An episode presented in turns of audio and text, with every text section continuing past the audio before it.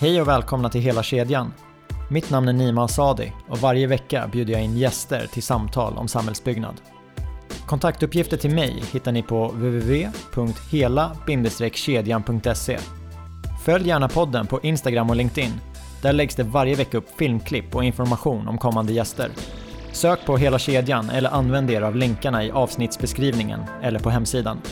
Denna podd sponsras av tidningen Byggvärlden, branschens ledande affärs och nyhetstidning inom bygg.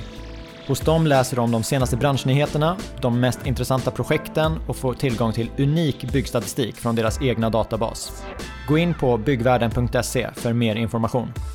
Nu till dagens avsnitt. Min nästa gäst har arbetat i byggbranschen sedan 70-talet. Han har i över 30 år varit pådrivande i byggbranschens kvalitets och miljöfrågor samt bidragit till förändringar och ett mer hållbart samhällsbyggande. Vi pratar bland annat om branschens hållbarhetstänk och hur det har förändrats över tid, vilka delar i byggkedjan där vi har störst koldioxidutsläpp, om dagens insatser verkligen räcker till, hur man ska tänka om man vill få igenom en förändring, branschens färdplan för fossilfri konkurrenskraft och mycket mer. Det blev ett riktigt kanonavsnitt. Låt mig presentera Jonny Kellner.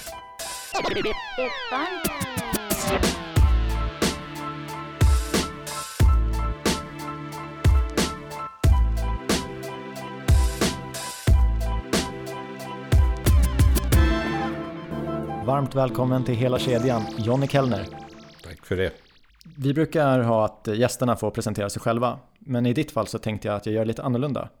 För du vann ett pris förra året som heter Årets Excellence in Civil Engineering 2018.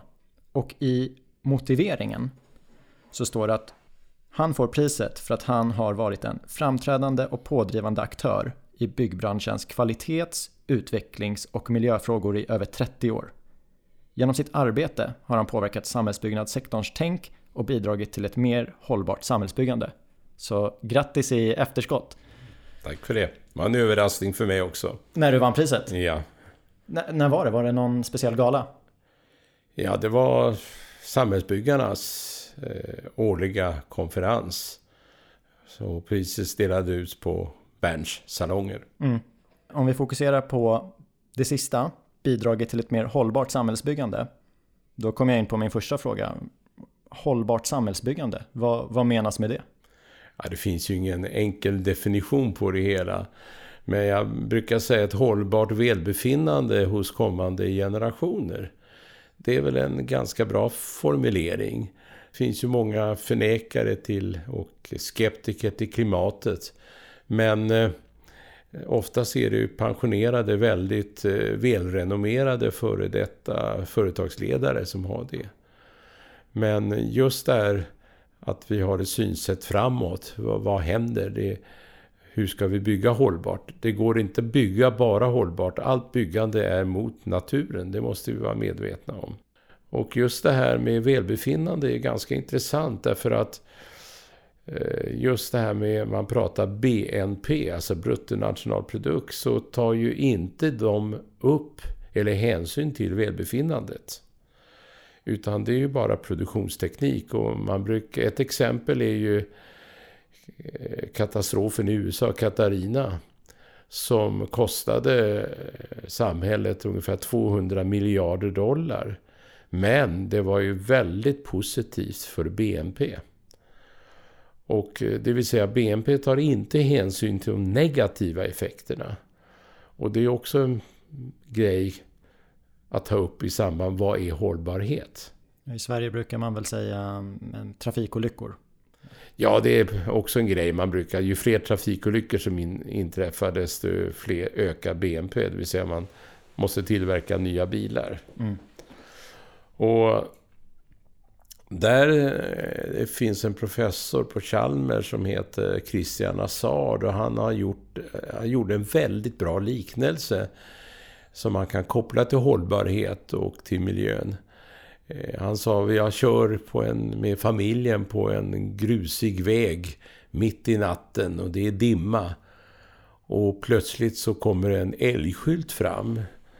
Varning för älg. Och det går ju inte att bevisa att den här älgen ska springa just framför min bil. Men ändå kan det vara tillrådigt att lätta på gasen för familjens skull. Mm. Och det här går att översätta även till hållbarhet. Att väldigt mycket av de scenarier som FN klimatpanel tar upp går ju inte att bevisa. Och det brukar ju vara ett argument som många förnekare eller klimatskeptiker använder. Men just det är bättre att vara orolig innan än efteråt. Men jag gillar ju hållbarhetsuttrycket eftersom att det, det är en bredd. Eh, ekonomisk, ekologisk och social. Ja men det, då har vi ju helheten. Men det jag också ser hända är att de här klassiska miljöcheferna det, det, finns ju inte riktigt lika, lika många nu för tiden utan man har blivit hållbarhetschef. Och då är det ju ett mycket större fokus. Så det tänker jag ju så här, okay, vad kommer det ge för effekter? Helt plötsligt är du ansvarig för tre ben. Från ett ben. Ja, det är nog flera ben. Alltså, det har ju den sociala hållbarheten där det har cirkulär ekonomi. Alltså det finns en mängd olika bitar som ingår i hållbarhetsbegreppet. Så att eh, det är väl ingen tvekan om att eh, spännvidden har ökat och komplexiteten inte minst har ökat. Så att eh, vi har en intressant men rolig tid framför oss vad som händer. Ja, verkligen. Jag tänkte för det här samtalet så ska vi fokusera lite på miljöbiten. Och eh, om, vi, om vi börjar direkt. Eh, om vi tar branschens nuläge så finns det ju en del eh, Ja, det finns ju olika insatser, det finns certifieringar. Gör vi tillräckligt idag? Ja, de stora bolagen vågar jag påstå, typ Skanska, NCC, Veidekke. De är väldigt ambitiösa. Peab också är ambitiösa. De har muskler, de har resurser. Men det räcker ju inte för det är en minoritet av till exempel de som är anslutna till Sveriges byggindustrier. Utan det är de medelstora och små bolagen, där görs det väldigt, väldigt lite. På grund av att de inte har tillräcklig kompetens och att det är, det är komplicerat jämfört med tidigare. Mm. Vi kommer ju komma in på det där sen med de här olika bolagen och hur de ligger till. Men ett argument som man kan höra det är ju ibland att men det här är ju populism. Nej, det tycker jag inte. Jag, jag, tycker att de här olika certifieringssystemen som finns mera skulle kunna kallas för kvalitetsstyrningssystem med en då stark fokus kring miljöfrågor. Så att eh, det har nog eh, varit väldigt till godo. Men det är samma sak där. Alltså de väldigt små bolagen, de jobbar ju inte enligt dem. Därför det krävs en ganska en stor kompetens för att kunna genomdriva det. Jag minns när jag var miljöchef på Veidekke och drev igenom Svanen. Så var det ett visst motstånd, det kan jag inte komma ifrån. Men framförallt, det kostade mycket pengar för vi var först. Det var några miljoner kronor vi fick lägga ner. Eh, men ju fler som gör det desto större blir tillgängligheten för andra och det är det som sker idag. Just Svanen påverkar ju både byggmaterial och bruksskedet i och med att de sätter nivå för energiförbrukning. Om vi kollar på ett husprojekt idag, hur, hur stor del av det totala koldioxidavtrycket är byggmetod eh, och klimatsystem och hur stor del är människors beteende? Ja, för vi börjar med byggnaden så har vi genomfört en del projekt och det skiljer sig väldigt mycket beroende på vilket tillförselsystem man har. Men tar vi generellt eh, ett betonghus som är det vanligaste så ligger och vi har en tillförsel av energi i form av fjärrvärme från till exempel typ Gävle Energi som har väldigt stor andel förnybar energi. Och kompassriktningen går åt det hållet. Då ligger nog eh, det som sker under produktionen uppåt 80 procent jämfört med då 20 procent under driften. Mm. Och det varierar lite grann men eh, jobbar man med någon slags medelvärde så kanske siffran är 70 procent. 70-30. Men eh, det är definitivt så att produktionsskedet har en väldigt stor andel av utsläppen av egentligen koldioxidekvivalenter heter det. Där man tar hänsyn till alla störande miljögaser. Ja, och då undrar jag, jag menar bara under mina år i byggbranschen så har ju riktlinjerna för energiförbrukning har ju gått från 110 till hälften. Eh, så det, det, gör ju, det gör ju en viss sak. Men om vi kollar på trenden de senaste 30 åren, vi pratar om 70-30 nu. Hur såg det ut eh, när du började engagera dig för frågorna? Man gjorde inte den typen av beräkningar utan då tittade man bara... Eh, de siffror jag säger, det är den totala påverkan. Eh, talar vi bara energi så talar man om... Eh, då var siffrorna 2080 förr i tiden. Eh, den är väldigt svår att göra men det man kan däremot säga att ett hus i Stockholms stad till exempel och de allmännyttiga bolagen har ju krav på 55 kilowattimmar. Sen kan man tycka vad man vill om att staden har det eftersom det är ett särkrav. Men eh, de flesta som lämnar anbud säger sig klara detta. Och det som har hänt på den senaste tiden det är att eh, husen har blivit mer välisolerade.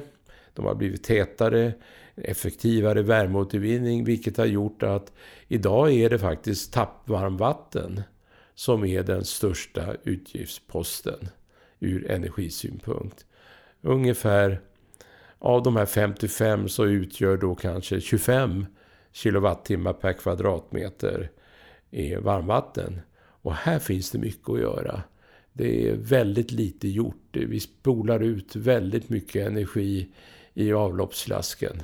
Ja, för jag tänker människans eh, beteende. Om vi kollar där, där jag bor. Jag lägger inte särskilt många kronor på varmvattenförbrukningen.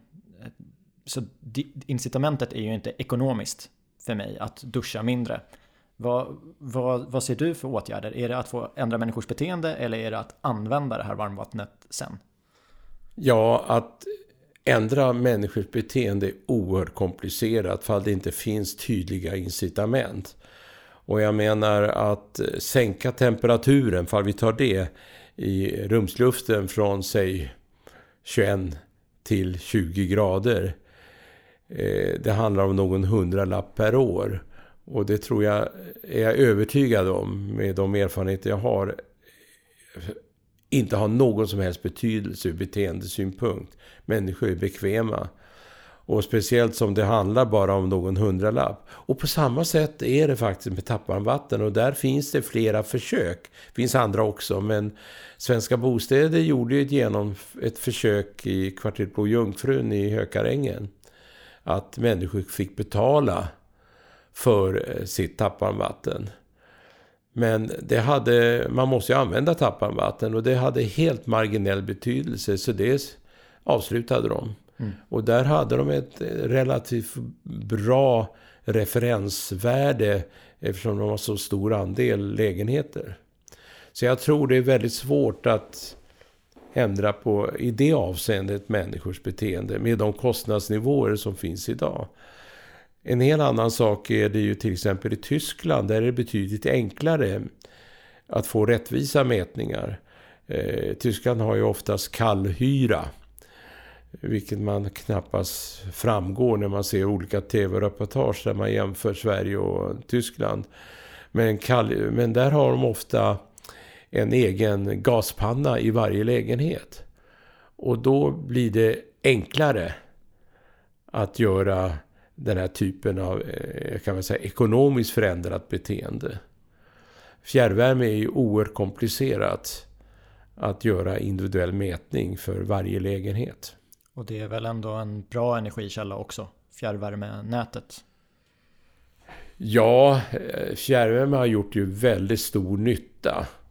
Nu är väl huvuddelen av, vad vi tar det, fjärrvärmen utbyggd och där har vi ett litet problem för förnyelse eller innovationer, när det är, alltså nya innovativa idéer hos fjärrvärme lyser tyvärr med sin frånvaro. Och det har ju fått till följd att eh, det blir väldigt ekonomiskt dyrt att dra fram fjärrvärme. Husen är så pass energisnåla så att man brukar kalla det för energitäthet. Den är för låg för det ska bli lönsamt. Och det här var allvarliga diskussioner i Norra Djurgårdsstaden till exempel. Huruvida man skulle dra fram det. På vilket, vilket sätt? Ja, det var inte lönsamt för fjärrvärmebolagen genom att husen var så energisnåla. Och det här är ett exempel på att det krävs nya innovativa idéer. Och Jag vet själv när jag var konsult på Sweco, VVB Sweco, då jobbade vi med Studsvik. Där tittade vi på eh, lågtemperatur fjärrvärme. Eh, helt andra temperaturnivåer. Och nu börjar sådana diskussioner komma fram. Därför att förlusterna är ju helt häpnadsväckande i ledningssystemet. Eh, det kan man se när man flyger ibland, där man ser det växer palmer där fjärrvärmen dras fram. Ja, jag spetsar till det lite grann. Men förlusterna kan ligga mellan 100 och 130 kilowattimmar per löpmeter kulvert. Wow. Det är alltså otroligt stora, och, men det står ju kunden för indirekt genom i fjärrvärmetaxan. Men vi tittade på det här i ett annat exempel inom Sveby. Där det var en anslutningspunkt och sen hade man sekundärledningar runt hela kvarteret. Och, där, och i och med att man använder anslutningspunkten som mätpunkt så innebar det här uppåt 10 kilowattimmar per kvadratmeter lägenhetsarea som energin ökade genom att där fick man, in, där fick man addera just den förlusten till huset. Mm. Men här finns det, och det säger sig självt, har man lågtemperatur fjärrvärme 70 grader istället för över kokpunkten 110 grader så blir ju förlusterna betydligt mindre. Ja, verkligen. Vi började ju prata om eh, koldioxidutsläpp och sen så tog jag in det på energiförbrukning. Men om vi spolar tillbaka till koldioxidutsläpp. Räknar vi på samma sätt idag när vi jämför mellan branscher och mellan projekt? Nej, det gör vi definitivt inte. Och, eh, innan det här mötet kom jag från ett möte med Sveriges, Sveriges byggindustrier där vi tog upp den här frågan.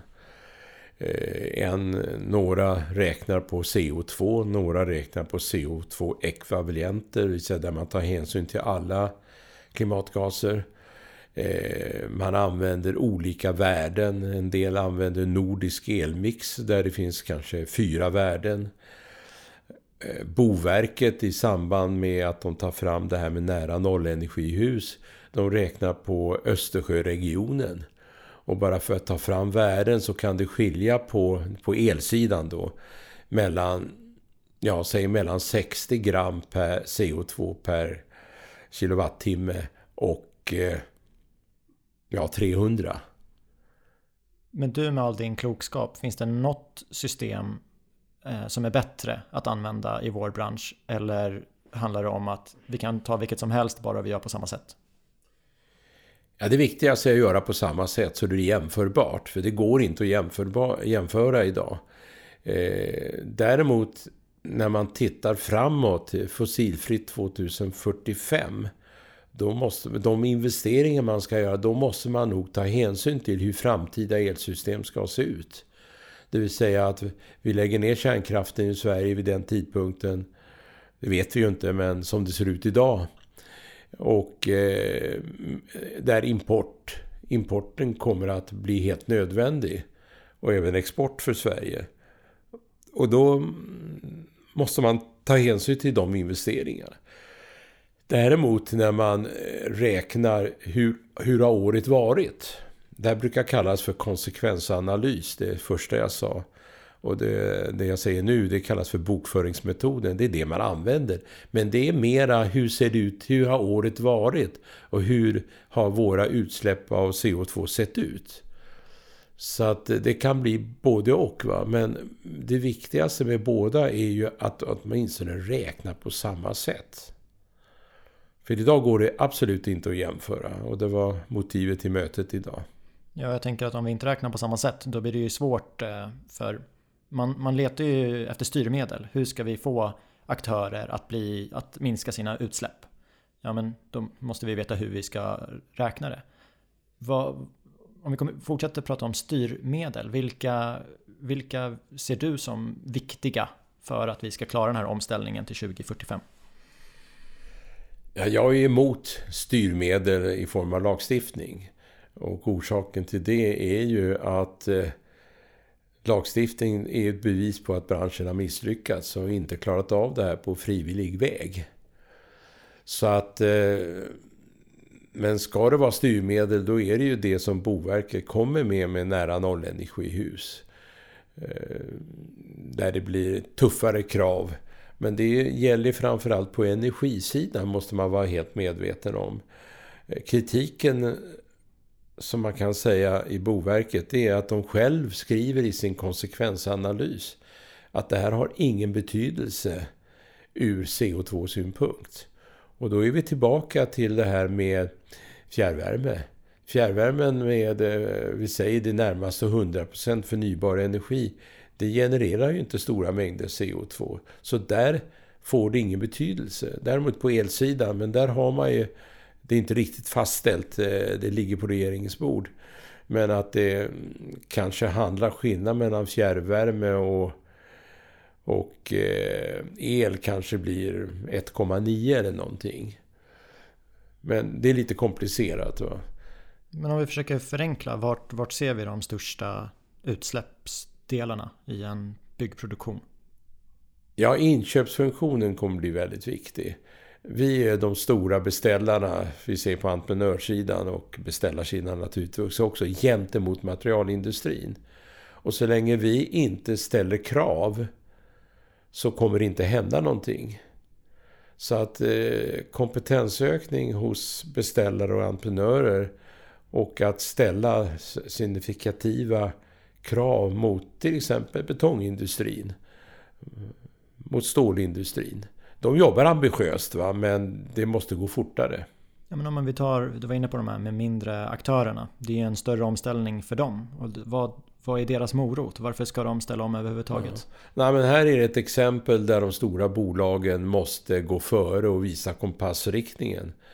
För jag menar, det blir ju väldigt svårt fall, fall vi lyckas, de stora bolagen, att göra en förändring i materialindustrin.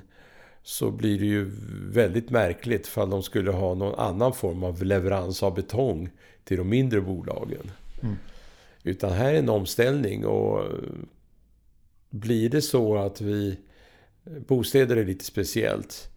Men eh, tar vi, talar vi om lokaler, där finns det ju betydligt större utländska intressen i form av finansiering. Det gör det ju inte på bostadssidan. Jag tänker de här utlandsfinansierade projekten, de är ju oftast lite större och då är det ju vissa bolag som är med och slåss om dem. Du, du nämnde, det här är ju ett, en BI-satsning, Sveriges Byggindustrier. Eller de är med på ett hörn och de flesta av deras medlemsföretag är ju lite mindre aktörer. Ja. Så vad, när ni sitter i arbetsgruppen, hur, hur ska man få med sig alla på tåget?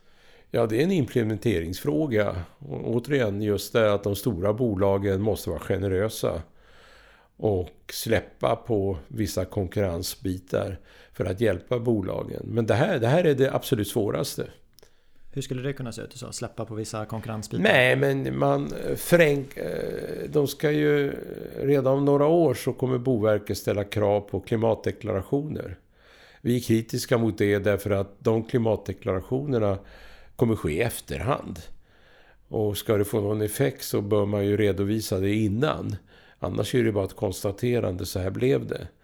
Men att ta fram förenklade mallar, förenklade beräkningsmetoder utbilda konsulter så att de har möjlighet att utan att bli ekonomiskt stressade kunna göra den här typen av beräkningar.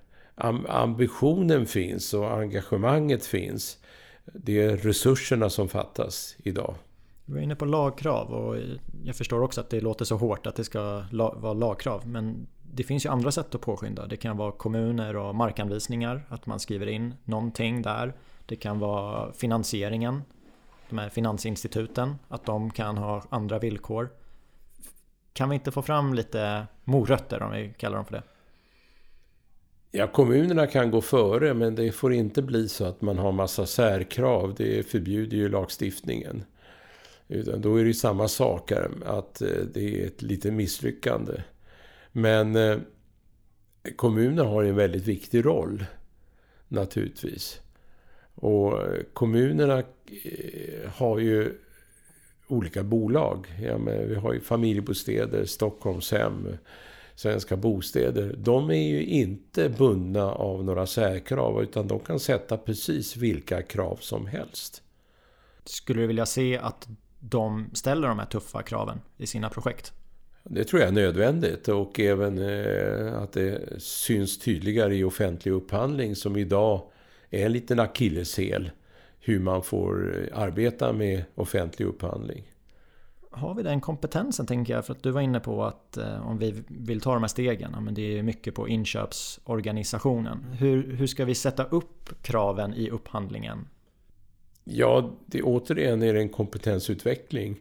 Och eh, ska man vara kritisk så har oftast inköpsorganisationerna haft väldigt lite att säga till om i den tidiga produktionen. Eh, deras roll är att köpa, de är duktiga att köpa in, hantera inköp. Men har inte de kompetens att eh, köpa in varor som, kan vi säga, som är hållbara långsiktigt, då har vi tappat mycket. Utan inköpsfunktionen eh, har en väldigt, väldigt viktig funktion. Så vi har inköpsorganisationen, sen har vi det här med beställarkrav. Och med beställarkrav var ju du inne på att när Svanen infördes, att vara först kostade pengar. Är det någonting vi kan lära oss från den satsningen? Ja, Svanen är ett bra exempel. Eh, jag vet ju själv att jag utgjorde ett hinder att släppa allt det vi hade kommit fram till i form av olika eh, kan vi säga, produktvals eh, och, eh, som Svanen kunde godkänna. Nu har vi ändrat, nu ser jag vi fortfarande, nu har det förändrat sig att nu finns det i en databas hos Svanen. Så att vem som helst kan plocka fram produkter som Svanen har godkänt. Och på samma sätt kommer det här bli att eh, emissionsfaktorer, hur man räknar, allt detta ska vara lättillgängligt och släpps och, och att byggbolagen, de större, släpper detta. När man följer debatten, eh, om jag tar i Nyhetsmorgon, det mer generella, så har ju flyget har ju fått, eh, har fått en hel del skit. Har du någon siffra på byggbranschen? Hur mycket utsläpp står vi för? Ja, man försöker sänka flyget. Eh, och, och, största problemet med flyget är ju bränslet naturligtvis. Men ibland får det kanske lite märkliga eh, konsekvenser eller proportioner. Att eh, flygets totala utsläpp ligger på ungefär 10 miljoner ton. Men det är globalt sett, alltså som svenskarnas flyger, 10 miljoner ton. Och sen när vi pratar om andra utsläppsfaktorer ja, inom Cementa, SSAB, då talar vi bara om de inhemska. Och det är återigen som du var inne på, äpplen och päron. Man, eh, det måste gå att jämföra. Men skulle man titta på bara inrikesflyget så utgör det 7 procent. Säg 700-800 000 ton. Och det ska då jämföras med till exempel Cementas som ligger på i runda slänga 5 miljoner ton och SSAB 5 miljoner ton. Då får man lite proportionalitet om vad är det egentligen man ska sikta in sig på. Och här har ju byggbranschen väldigt, en väldigt stor utmaning. Det är här de stora siffrorna finns. Det är inte att subventionera elcyklar som inte ens är mätbart. Och jag vet inte hur det blev med elbåtmotorer.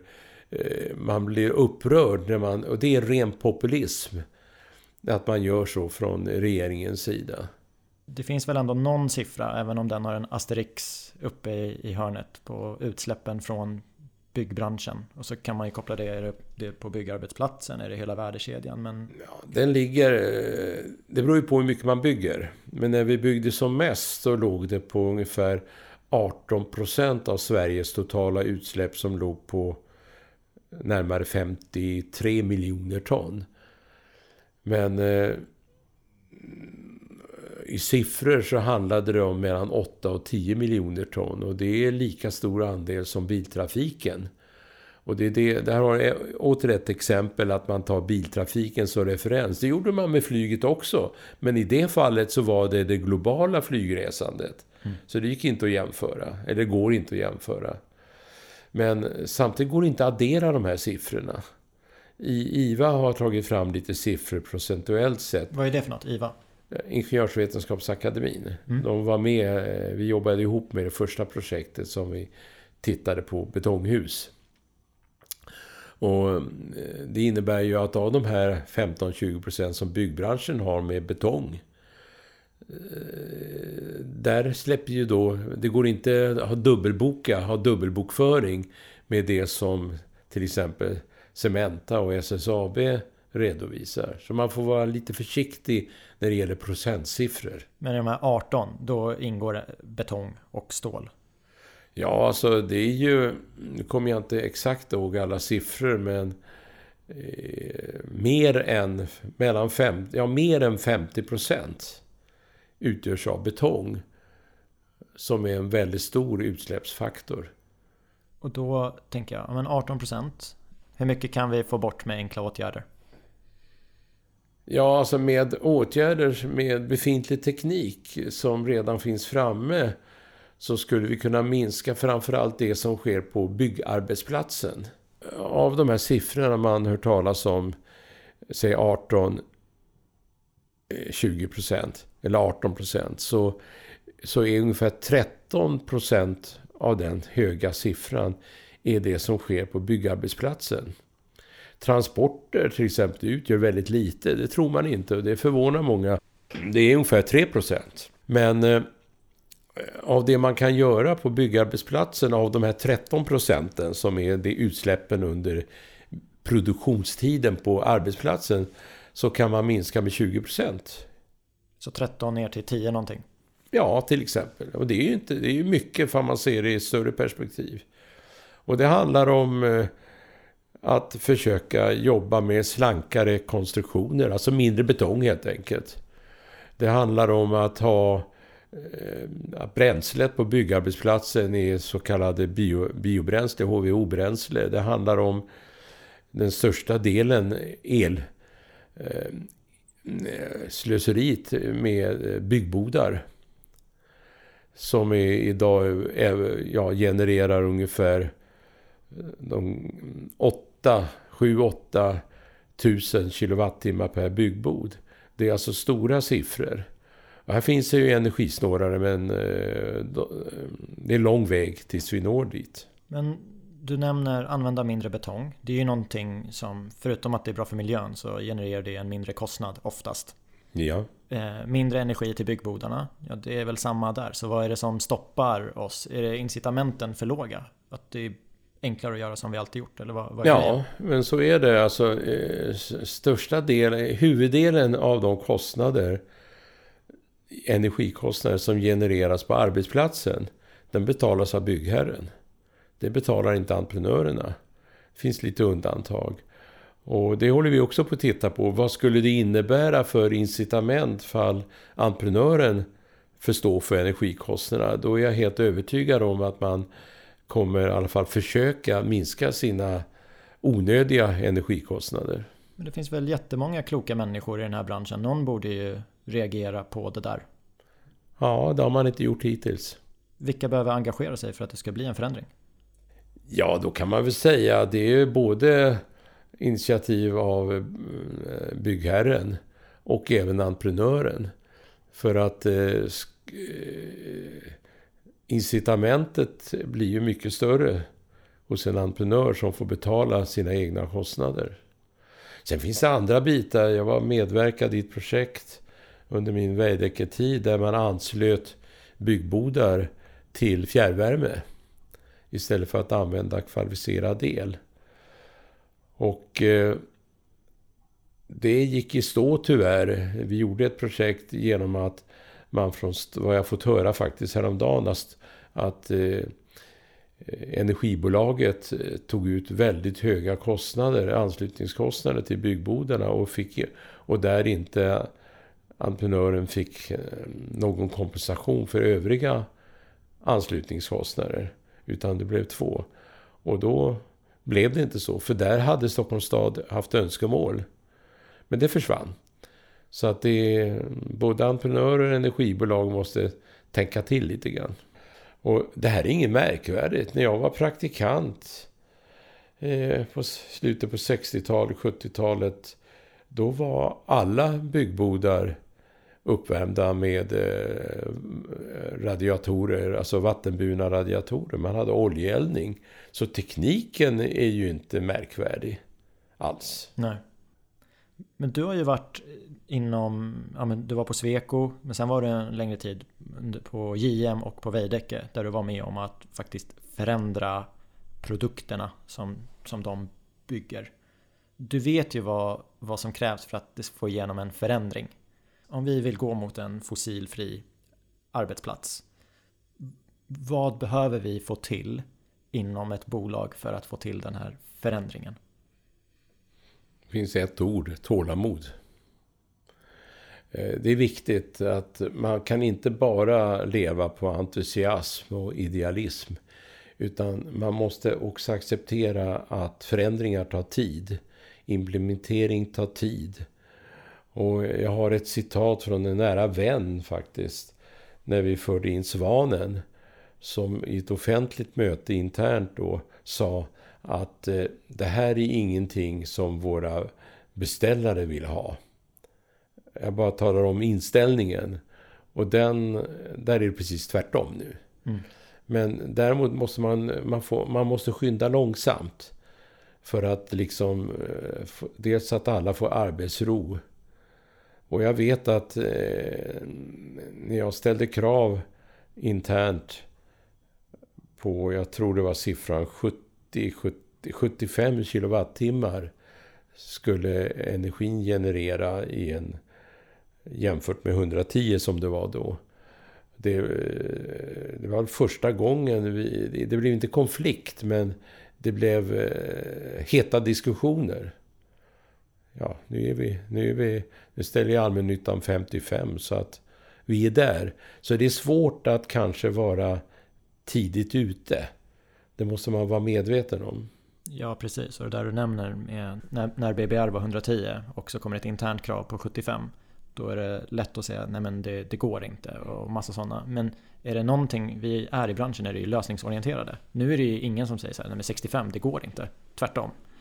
Även projekt där man inte har det kravet så är vi ju nere där ändå. Ja, vi är där och sen där kommer ju konkurrensupphandlingen in. Att eh, när stora bolag som JM och Skanska, eh, Peab och lyfter fram det här och skriver, sen kanske de inte klarar det alltid, men skriver i sina markanvisningsansökningar och eh, i sin PR utåt. Eh, då eh, svider det naturligtvis att ja, det måste ju även vi klara. Mm. Men det här projektet, om vi kallar det det, färdplanen för fossilfri konkurrenskraft. Vad, vad är ditt uppdrag? Du är ju med och hjälper där. Hur blev du inkallad i den gruppen? Jag har jobbat med Sveriges byggindustri så länge. Vi har haft flera forskningsprojekt och de vet ju kring det här. Just det som skedde idag, vi hade ett möte om med flera andra. Det var ju att en förutsättning för att kunna nå våra mål det är att vi har ett sätt att kunna mäta och utvärdera.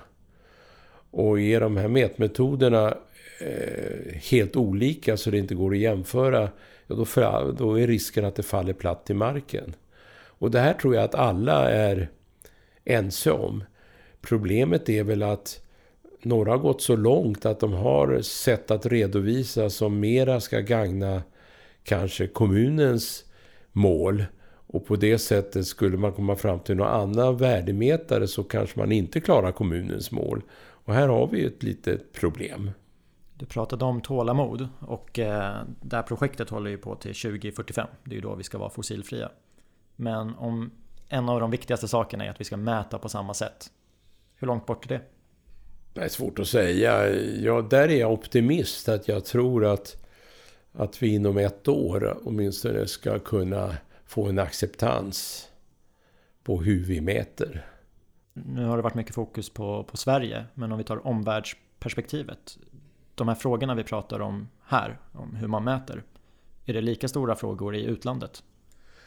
Det är inte det, men det beror nog inte på någon slags eh, annorlunda synsätt. Utan eh, i utlandet så har man ju inte fjärrvärme. Och fjärrvärmen är ju väldigt svår att göra relevanta mätningar. Utan där har man, då blir det mycket enklare. Man har sin gaspanna i, i varje lägenhet och då blir det betydligt enklare.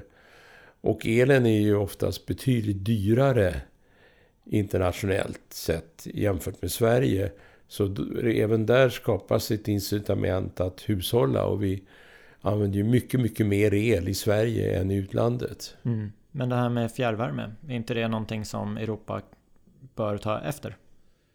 Ja, det är väl en av de delarna i Sverige som vi har väldigt bra know-how och skulle kunna exportera. Men det är ju lite grann att börja från början. Sverige har ju tagit, det var väl i, ja, i mitten på 70-talet det, det började ordentligt. Så det tar ju sån tid. Mm. Och ta Norge, vårt grannland. och Jag menar, där jag kommer inte ihåg procentsatsen men huvuddelen av byggnaderna, flerbostadshusen i Norge, är eluppvärmda. Jag, jag har försökt läsa på lite inför det här mötet med dig och då kom jag över en intressant artikel om att man kan lagra koldioxid i marken. Kan det vara ett alternativ för Sverige och byggbranschen? Ja, inte byggbranschen, utan eh, det är ju mera där det sker stora punktutsläpp, typ eh, SSAB, Cementa. Men sen eh, har jag väl den uppfattningen att det är inte ett lång, det är en tillfällig lösning. Det är ingen långsiktig lösning. För att eh, risken finns ju att det är väldigt bekvämt att lagra i borrhål i Nordsjön till exempel. Och att man därmed eh, inte får samma incitament till att hushålla eller att komma fram, fram nya tekniker som minskar CO2. Det, det är ju bara att lagra det. Man kan ju säga att Norge har ju en, det är en genialisk affärsidé att lagra CO2 i tomma borrhål. Och först pumpa upp olja ur miljösynpunkt och sen stoppa ner koldioxid från andra länder i det. Det är, det är ganska spännande. Nu har ju norrmännen gjort det här hela tiden men det är ju inte ur miljösynpunkt utan det är för att eh, pumpa ner CO2 får man upp mer olja. Så att, eh, men jag tror... Eh, det är ju risker också. Det ska ju hanteras via pipelines, det måste gå med tankbåtar med flytande CO2. Till, framförallt i Nordsjön. Det får inte vara någon berusad eh, sjökapten som för båtarna och kör på grund, för då är det farligt. Stora mängder CO2 är livsfarligt. Det hände på 80-talet en olycka, en sjö, jag kommer inte ihåg, i Afrika. Där eh, det blev ett jordskred och det var så mycket CO2 som låg i botten. Och det där vändes om och var på CO2 som en tung gas flöt över bergskanten och ner till intilliggande byar. Och det, jag tror det var ungefär nästan 1800 människor som dog i sömnen. Den syns ju inte. Nej. Inte för jag tror att den risken är så stor i Sverige, men just i och med att den ska hanteras med, med tankbåtar. Så får det får inte bli en ny kärnkraftsdebatt och lagring av kärnkraft när det här kommer. Men som sagt, jag tror inte det är en långsiktig lösning. Du pratade om att du ville se fler innovationer när det gäller eh, fjärrvärme. Om vi tar det här 30-årsperspektivet, hur skulle du säga att innovationstakten har varit när det gäller de här klimatåtgärderna? Är vi mer innovativa idag? Ja, vi är innovativa på det sättet att vi är duktiga på att hushålla och effektivisera. Men det räcker ju inte, utan vi måste till slut komma fram till nya energisystem. Och jag är en stark varm anhängare av att jobba med flytande vete. Flytande vete. Eh, SSAB ska jobba få bort sina masugnsugnar som ett exempel. Har de idéer kring det här. Man ser, den är väldigt spännande den tekniken. Vad är det för teknik? Vad går den ut på? Ja, det är att man använder istället för kvalificerad el använder väte som lagringsmedium och klara till exempel effekttopparna som blir väldigt allvarliga för elintensiv verksamhet, typ SSAB och Cementa.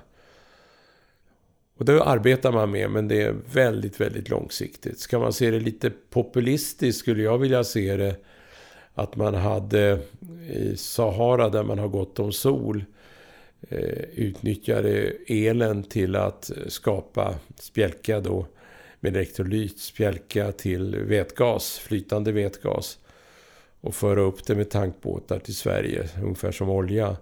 Och sen köra tillbaka med färskvatten till dem. Det är en sån där rolig idé, va? men den är inte helt utopisk. Där finns ju solen året om. Jag tänker när vi pratade om elförbrukning så kom vi fram till att elen är billig i Sverige, därför förbrukar vi mycket el. Samtidigt så är det en debatt, el, vind, kärnkraft. Hur går det ihop?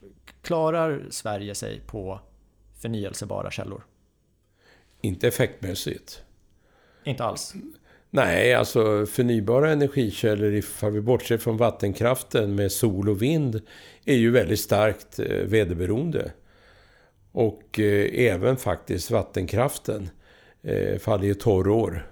Vi ser ju nu, det var en månad sedan det regnade.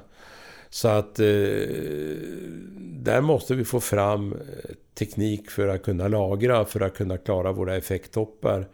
Så att man inte behöver stänga av elen en kall vinternatt. Finns den tekniken inte idag? Det finns ju batterier. Ja, det räcker ju inte till eh, för att klara kraftiga effekttoppar. Men eh, ett sätt att klara det här det är ju då att vi utökar vår import av stabil kolkondens. Det låter hemskt. Men den är ju faktiskt stabil på det sättet att den inte är väderberoende. Men tyskarna eh, minskar ju sin kärnkraft. De vill få bort kolkondensen. Och eh, effektmässigt så är det inte säkert att vi kan importera el alltid när vi har det som värst ur effektsynpunkt. Så det här är ett framtida problem. Svenska kraftnät är ansvariga men inte på ett långsiktigt sätt. Om vi låser oss på byggbranschen och så jämför vi den svenska med andra länder. Vad kan vi lära från andra länder? Har, har de gått före eller är det vi som är loket? Ja, Sverige är väldigt mycket av loket. Vi har en väldigt hög kompetens och borde kanske utnyttja den mera till att exportera vår know-how. Eh, det som är lite bekymmersamt i Sverige det är ju att väldigt mycket, eller en hel del av de åtgärder vi vidtar skulle få en betydligt större effekt för att vi applicerar det utomlands i utvecklingsländerna. Betydligt större. Jag har ingen siffra på det. Eh, men den är ganska stor och den är eh, verifierbar från eh, ledande forskare. Men det känns ju som en jättebra affärsmöjlighet. Ja. Och framförallt så innebär det en betydligt större påverkan ur eh, utsläppssynpunkt. Fall vi kan applicera det i, i de länder som har väldigt stora utsläpp. Vi, vi börjar närma oss slutet av eh, samtalet och jag, jag har ju velat träffa dig under en eh, längre tid. Det är alltid lika spännande att prata med dig. Under det här samtalet har det ju framkommit massa nya saker som jag inte hade någon aning om. Som jag gärna hör mer om. Men det får bli, det får bli andra avsnitt, får vi se vad lyssnarna säger. Men jag tänkte någonstans i slutordet, för du har ju tryckt på tålamod. Så vägen framåt. Vad är viktigt att tänka på om vi vill få till en hållbar förändring? Ja, den är ju väldigt svår för det är så omfattande. Tidigare hade vi kärnkraften som löste alla våra problem. Utan förutom tålamod så måste vi lära oss att implementera nya innovativa idéer i hela branschen. Och inte köra på i gamla hjulspår. Så här har vi alltid gjort, så här har vi aldrig gjort. Eh, det tror jag är väldigt viktigt för framtiden eh, moraliskt så tror jag vi ligger långt framme. Jag tror att de flesta människor uppfattar eh, det här med miljön ändå som att vi är på väg till något som inte är bra. Och här har ju vår lilla skolflicka Greta gjort en jätteinsats. Hon är inte någon expert. Men hon tillhör den nya generationen som kommer påverkas av det. Och hennes barn, då är vi framme kring snart sekelskiftet och vad händer då? Så det finns en stark oro och som sagt det är bättre att vara orolig innan än efteråt. Men den här färdplanen till 2045, för mig som inte varit med så, eller jag har varit med i åtta år, för mig är det här någonting stort och någonting revolutionerande. Vad är det som talar för att det blir en framgångsrik satsning? Ja, det är det stora, man kan säga, det är det stora intresset. Det är ju väldigt, väldigt många som medverkar i det här arbetet. Och det är ju helt frivilligt att vara med. Man skriver ju på ett avtal att man ska medverka. Och det är ingen som tvingar in någon. Men eftersom det är en sån bred anslutning så talar det väldigt gott. Man kan säga ur konkurrenssynpunkt så kan man ju skönja någonting att ingen vågar vara utanför. Utan det här är viktigt för framtida konkurrens. Stort lycka till och så hoppas vi att eh, alla medlemmar i Sveriges Byggindustrier bidrar till att uppnå det här. Tack. Tack.